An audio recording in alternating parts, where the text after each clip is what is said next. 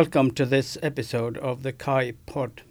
My name is Ivar Lødemel. I am professor of social policy here at Oslo Met. This episode is made on the occasion of the conferral ceremony for Oslo Met's first honorary doctor. Our university has grown to become the central hub for social policy research in Norway, and it's therefore only natural that our first honorary doctor is recruited from this field. I can think of no better candidate than my guest today.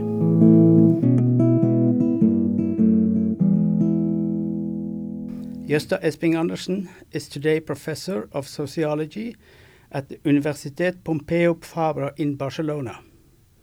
Welcome to the KAI Pod, Gøsta. Thank you very much. Today we will focus on three themes, all close to your work spanning an already long career. First, the development of advanced welfare states. Second, your extensive later work on the role of family demographics, and in particular the changing role of women in society and the importance of investing in children. Finally, we will touch on issues concerning possible ways forward for social policy research. To start then on the development of advanced welfare state. The nomination for this honor honorary doctorate starts with a book you published as early as in 1990, The Three Worlds of Welfare Capitalism. It is no overstatement that this was and remains the single most important book in the field of comparative social policy. No other book has been cited more, and this goes well beyond the 18 OECD nations include, included in, in the study. To commemorate 25 years since its publication, a special issue of the leading European uh, journal was published. That is in itself a unique happening. I can only think of something that happened in 1992 when the University of York uh, had a conference uh, to celebrate 50 years after Beveridge, the architect and the blueprint of the British welfare state. So you're right up there. In your contribution to that publication in 2015, you reflected on your task to, to contribute and decided that to re examine your work in light of a quarter century later developments would be utterly boring. Just to get this issue out of the way, tell us a little bit about your, your reluctance to, to engage with that work today. Well, I think there are a couple of reasons. Uh, it's not that I'm refusing uh, as much as that I'm reluctant to do it. Uh, one has simply to do with the fact that I spent so many years working on that theme, uh, which at the end of those years, I started feeling a little bit sort of overloaded with welfare state research so comparative social policy research and so forth and so on. I needed, in a way, so to speak, fresh air and recalibrate my head a little bit, start something new. Hmm. Uh, I had, since uh, I was a student, I had that idea that I shouldn't be working on the same kinds of issues throughout my professional career, that I should change and do something completely new on a regular basis. Of course, not every year. Uh, and so, uh, something about 10, 12, 13 years ago, I made that decision enough about the welfare state. Uh, I have said what I had to say. I thought I couldn't contribute very much, any much of anything new to the debates or to the to the issue at hand, and that it was time for me to change gears. So you have moved on, um, and since you are a musician, uh, a a quote from Bob, Bob Dylan uh, comes to my mind. He was made to be the leader of a tribe he did not want to belong to. So you finished with the tribe, and and people keep trying to bring you back into welfare state research. Is that correct? that that is quite correct. Yes, although it has tapered off in the last couple of years, I would say, uh, as I think more and more social policy uh, researchers have realized that indeed I am working on very different issues now. Very good. And as we must, just to have a few more things on on that work, as we must often explain, especially to undergraduate students, uh, that the three worlds is so much more than grouping nations. Uh, could you please explain briefly how you arrived at the three core concepts of stratification, decommodification, and the state market family mix? Well, I think it all started actually with my doctoral dissertation, which was really about social democracies, a comparison of the Scandinavian social democracies. And my big question then was why were some social democracies much more developed, stronger, more dominant politically, and why were some more weak, such as, for example, the Danish compared to the Swedish, or the Scandinavian compared to the German social democracies? What was it in social democracy that produced political strength? That was the question I asked myself. And I very quickly came to welfare state construction as one of the key issues.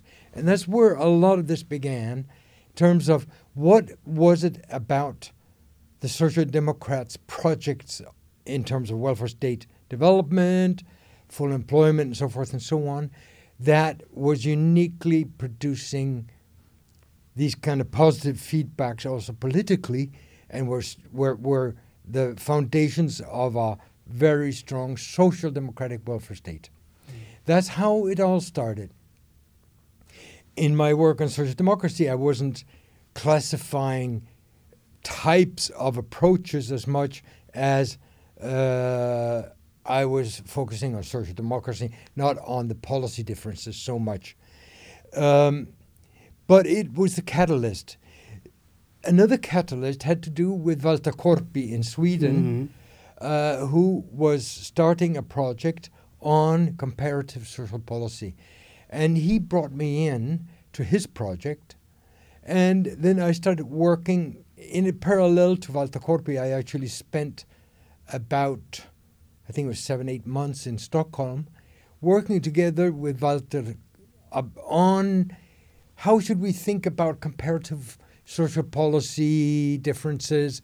Uh, and I started thinking about what are the important dimensions of welfare state differences, social policy characteristics. What was it that differentiated something in the Scandinavian, Danish, Swedish from, say, Spanish or Italian or German or English or American. And I started looking very empirically. I didn't have a big theory at all. Right. I was looking just the data, rummaging the data, looking at the data, looking at characteristics of social policies in all these countries, on and on and on. And I spent I spent quite I think a whole year doing nothing but that. And that's where I started from the bottom up, empirically, looking at these characteristics, saying, but there are patterns here. And there are clear patterns in terms of, as you mentioned, the stratification dimensions of social policy. Mm. How do they stratify the population? Is it the same for everybody, universalism? Or is it differentiated so that some social classes or groups have special privileges, others have less privileges in terms of their coverage or benefits. So there was a stratification dim- dimension that became very clear to me. My decommodification I learned from Polanyi's work mm-hmm. uh, and uh, about how it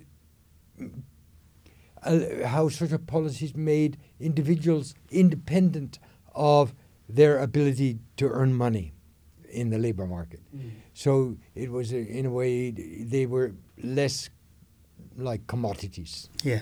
So these dimensions came to me simply in an empiricist way. Right. Right. And then once they came to me, I started seeing, well, here is the founda- here are the foundations for a theory. So that's where I changed gears in my welfare state work and started thinking about the, there are theoretical foundations of these differences. Very interesting. Mm. And that and and with that work you if I can say so you you captured the uh, the perhaps the end of the golden years of welfare state expansion after the Second World War. Uh, things were a bit shaky at the time, but still much more in, much was in place. So I I'm curious about your. I know you. This is not your work now, but you you follow the the, the development in different countries, and I'm curious about about what came what came later and um, um, I I think, for example, that that you saw that the the drivers for for developing welfare systems were very much, especially in the social democratic model, was the, was the labor movement, and as you have later uh, recognized, also broader political coalitions, compromises, as they say in in Norway, between different groups that had shared interest. So it was very much about about interest. Um, I think we now see a shift from from interests as drivers for change to more normative questions about rights and obligations. You know, I've been working on that in terms of uh, conditional uh, activation, uh, and that that in Norway, for example, uh, today, ordinary unemployed people aren't on any activation. There's no obligations. Uh, a senior fellow in, in the in the directorate told me it's it's about the outsiders. It's about work inclusion. The the topic for for for Kai is about the the out the people who didn't stay in work and then fall out, but rather never really got a strong foothold in the labor market. And that's driving much of the discussion about welfare. Do you see that as an important change? I see it as pretty fundamental, actually. Uh, and uh, here is uh, actually the roots of one of the sort of social policy spin offs that I've been working on in the last 10 years. Mm-hmm. Uh, my focus has been on the investment side of it. That is, investing in skills, investing in life chances, investing in people's abilities to do well in society. Mm. Uh, once I started thinking about these kind of social investment parts of the welfare state, mm. uh, a lot of a lot of changes in the way I, I saw the welfare state uh, came as a result of that. Uh, one was uh, very banal put was that our accounting system is wrong. If important parts of the welfare state are investing in human abilities, capacities, human capital, uh, then those programs are should be investment accounts, mm. not in current expenditure accounts. Mm. And that means a very different way to look at what are we spending and what are the returns to our expenditures. Mm. Because if, if it's an investment accounts, the investment payoffs could be over many years. And my favorite example of this that I've worked a lot on is early childcare and high quality uh, childcare systems from age uh, one, not from age zero, as many think, from age one. Okay. And that is very important. Just to linger on a little bit on, on, on the social investment in terms of the current welfare debates, could it be that sometimes you see that that um, policies that are geared towards curtailing the rights to benefits uh, is often framed as social investment. is that a danger in that paradigm?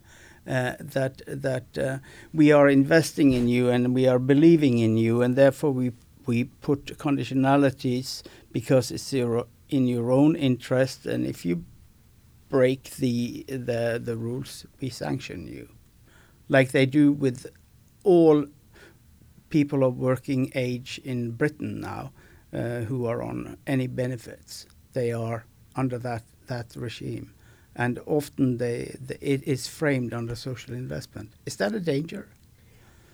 I see it as quite quite a substantial danger uh, because it can have the effects, cumulative negative effects.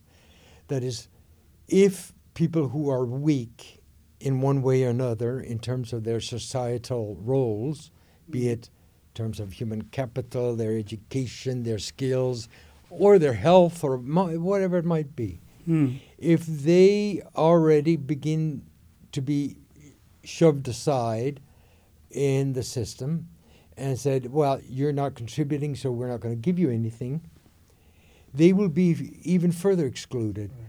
And you will have an adverse, cumulative, negative effect for that population group that is being sh- shuttered, shunted to the sides and more and more peripheralized, and at the end, uh, probably ending up worse in terms of their life chances than would otherwise have been the case. Yeah. We must always take into consideration that there will always be, whatever the size of the minority, but there will be population groups that simply cannot uh, make it in a society, in particular in the kind of society we're walking into, where brain power and cognitive abilities are ever more central for success. And there are people who simply will not have that ability or those kinds of abilities, and they will never have, be able to have them in their lives. And uh, we shouldn't create kind of a lumpen proletarian population simply because their cognitive abilities aren't up to par. Right. Thank you. And turning now to um, uh, social investment proper, I think we can say. Um, your main focus of research during the last two decades has been family demographics, women's role in work and family, and investment in children, like you just mentioned. Uh, tell us about how this this interest uh, came about and evolved for you. Well, in a way, it's a little bit an echo of my distant past, because as I, as we were discussing earlier, my PhD studies were at University of Wisconsin in mm-hmm. Madison, which was at that time the world's leading demograph- social demography center, I think, mm-hmm. and obviously as a doctoral student there, I was pumped full of a lot of social demography kind of inputs, and there was a lot of that lingering in my, in my in the back of my uh, head, even if I was working on welfare state issues, on social democracy, or what have you. But uh, a lot of issues related to family demography were always sort of there in the back, back of my head. And so it was very easy for me once I decided I need to change gears and to start something new, that family uh, issues would be uh, a, an obvious new step for me. Right. And uh, it, that, it, as you were mentioning, that was very much also linked together with my interest in, in, in, in the investment side of social policies, and in particular, once I started looking at um, uh, child-centered uh, policies uh, that, and, and I learned, starting to study a little bit child psychology, mm-hmm. I learned that the critical years for later success in school and subsequently in life have very much to do with the the preschool years. Your ages up uh, say between one and six, seven, eight. Those are the critical years in terms of your development of your cognitive skills. If your the stimulation of your cognitive skills to whatever level you're capable of, if that is not done effectively at, in those ages, it is very difficult to recover later on in, say, in your teenage phase of your uh, life. But can't parents take care of that? That depends on the parental ability to stimulate the cognitive potential of their children. And that is very much class differentiated. So, highly educated parents are much more able uh, and also much more willing and uh, uh, and geared towards stimulating their children's co- cognitive abilities, stimulating how they play, how they think, how they can solve puzzles, Mm. so forth and so on, all of which accumulates into stimulation of your cognitive maturation. Uh, whereas uh, low educated parents tend to have a much more passive educational approach to their children. Not that they love them less, just that their idea is that, okay, I do the dishes, we clean up here, and the, we leave the kids to, you know, play around there on the floor by themselves. You know, that reminds me of a a um, a, a recent study five years ago or so uh, called Scarcity, an American psychologist, I think, who writes about um, the effects of, of growing up in poverty. And um, the, the basic argument, as I recall it, is that uh, if you have to make unwise choices, because as a poor person you're often forced to make unwise choices, like going to the nearest grocery, not the cheapest, uh, then that affects your ability to make good choices. Would you say that that has is a way of understanding this um, importance of uh, of of all children getting uh, the input that they can from high quality universal childcare? what is essential or what is sort of equality producing in terms of equalizing children's cognitive abilities is in a way to ensure that children be they from low or high income groups receive the same level and intensity of cognitive stimulation Hmm. and that is where Scandinavia, by default actually, not by design, uh, is a front runner in the world in terms of their development. And Denmark here shines is the shining example of a preschool system from ages one up to six, seven. Uh, that is of extremely high quality. So, for example, just to give one example, the pedagogue child ratio in the ages one to three in Denmark is three kids per pedagogue. Yeah. At the ages three to six, it's about six children per, per pedagogue. That is world eh, record by far. Yeah. To give you a comparative example, in the country where I live, in Spain, and in the kindergarten where my children went, it was 25 children for one pedagogue. Really.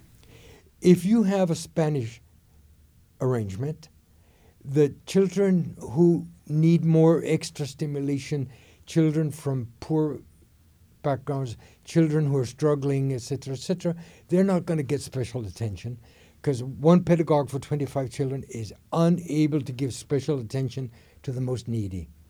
If you have a ratio of 1 to 3 or 1 to 5 or 1 to 6, the pedagogues can give special attention and special cognitive stimulation and help to the children who are the neediest. Right. And this is where Scandinavia, not by design, by default, because the the reason that Scandinavia had such a in, pedagogue intensive childcare system and kindergarten system to begin with mm-hmm.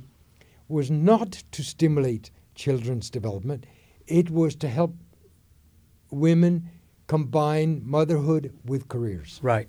and now And that's taken further. And I think Norway is very similar to Denmark, but there's there is one area where Norway is perhaps different, um, and that is we have a, a special benefit in Norway because uh, parties on the center and right found that uh, since these universal childcares are so heavily subsidized, they had to uh, in in promoting the the freedom of choice for parents, they introduced a a separate scheme still in existence uh, where you get you get money for sta- if you don't use the preschool, and uh, in Norway that's raised a lot of debate, especially in terms of immigrants, and uh, immigrants is something that I, I don't see much featuring in your work on this area. How how how also Scandinavia is changing into a multicultural society, and there are very great differences in terms of this work family uh, constellation there. Is that any comments on on that Norwegian program? I have two.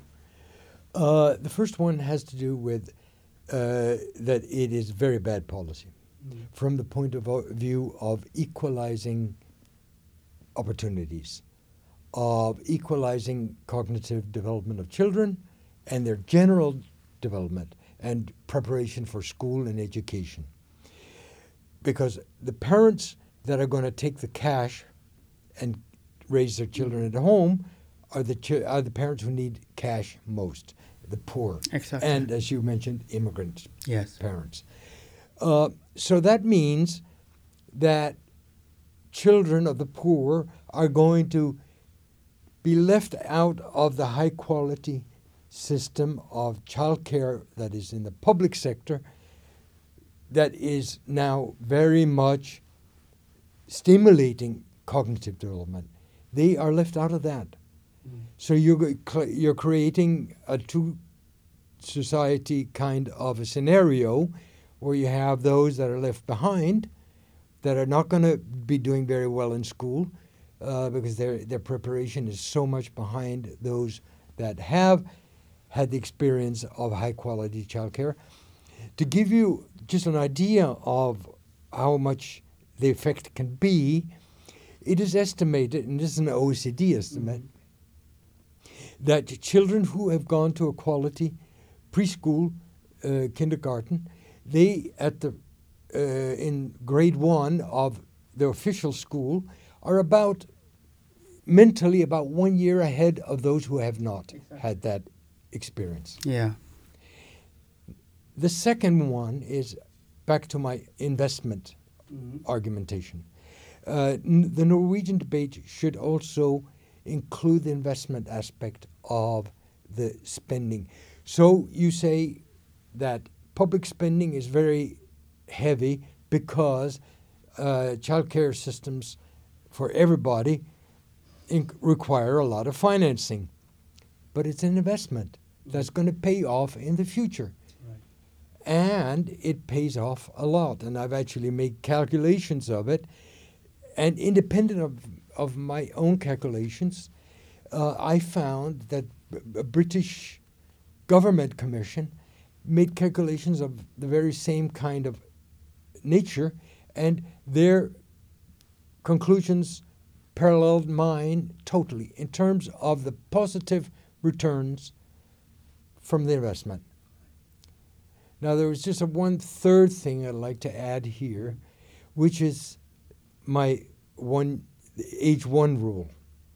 And why why should the children not start uh, daycare at age zero? Because the first year of the child, the most important stimulus is attachment. Mm. That is what Yeah. psych- development psychology would say. The attachment, and that is attachment to the mother or the father. It doesn't have to be the mother necessarily; it can also be the father. Uh, and the more they're, the stronger is the attachment, the better the children are going to be learning later. If there's no strong attachment in the first year of the child's life, they are poor at learning, and pure. The, cogni- the, the cognitive ability development will be less effective. That is why uh, these kind of public child care systems should not uh, incentivize parents to place their children when they haven't before their first year uh, birthday. Mm.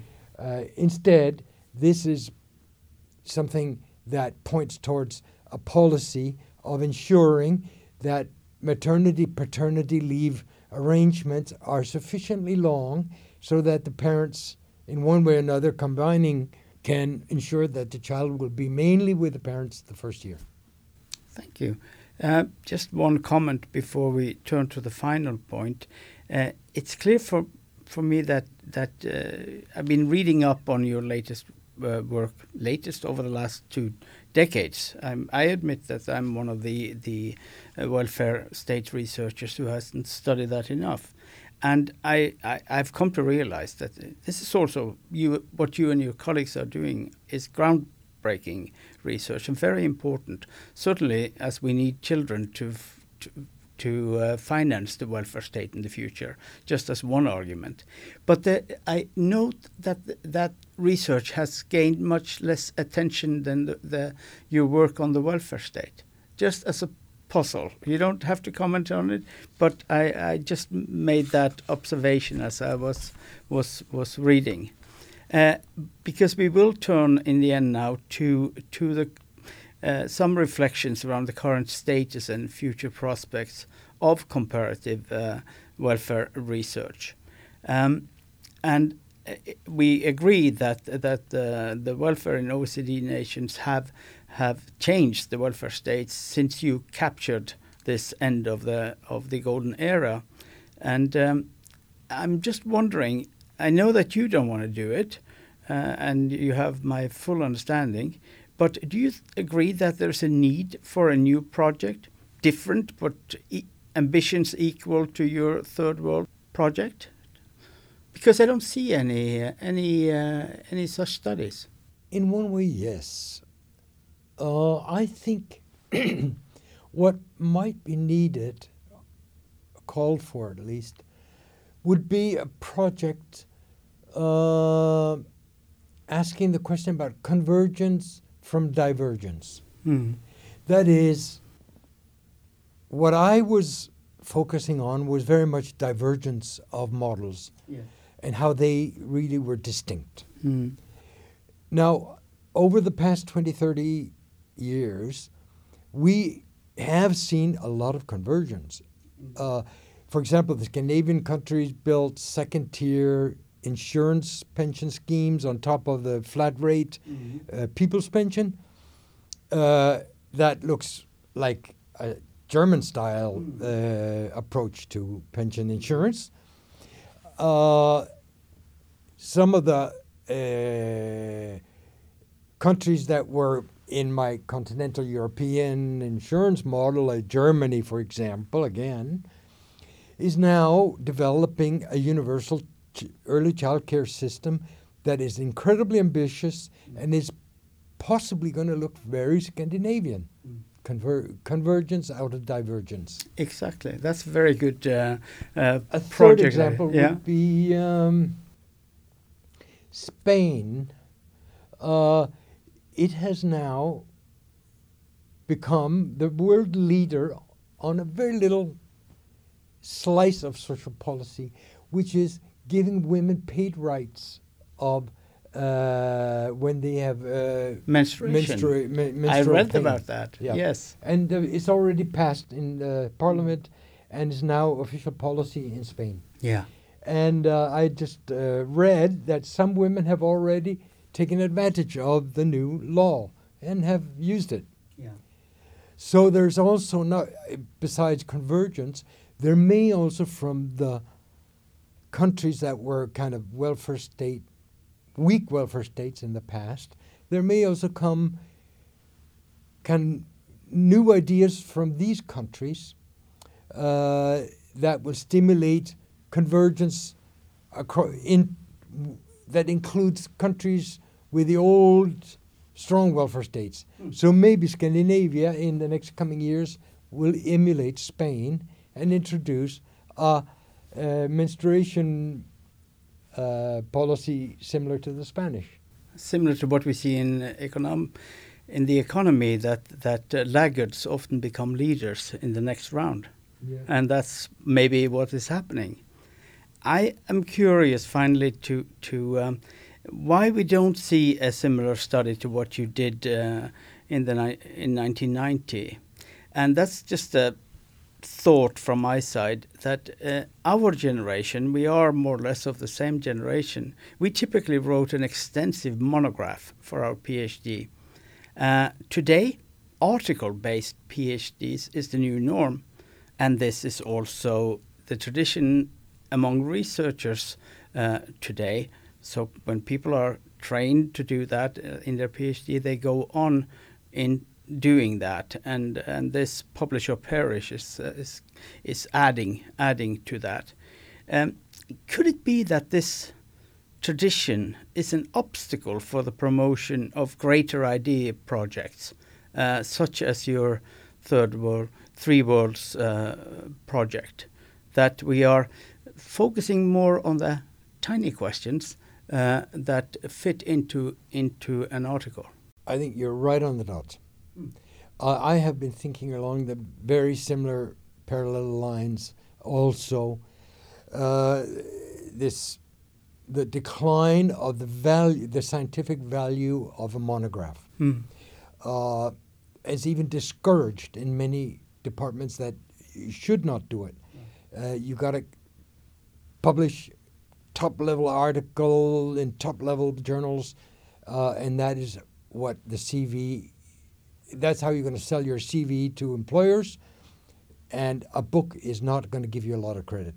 It takes a lot of time, and the payoff is relatively modest today in today's world.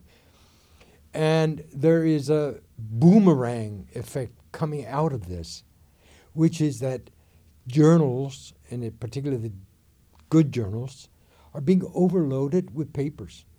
Uh, and they st- it, you simply cannot publish anything anymore. And uh, it takes now a typical review process takes about a year because they're just so overburdened with papers because everybody has to publish, and particularly the new young cohorts coming into the system, they have to publish and publish and publish uh, articles, not a book. So you, I agree completely with your assessment there. So we can conclude on that part that uh, uh, we've just given uh, for free a, an idea for for for a study into the convergence from divergence, and it should start out with uh, work on a monograph. On that note, I thank you very much, Gøsta, for this talk. And I thank you for the opportunity.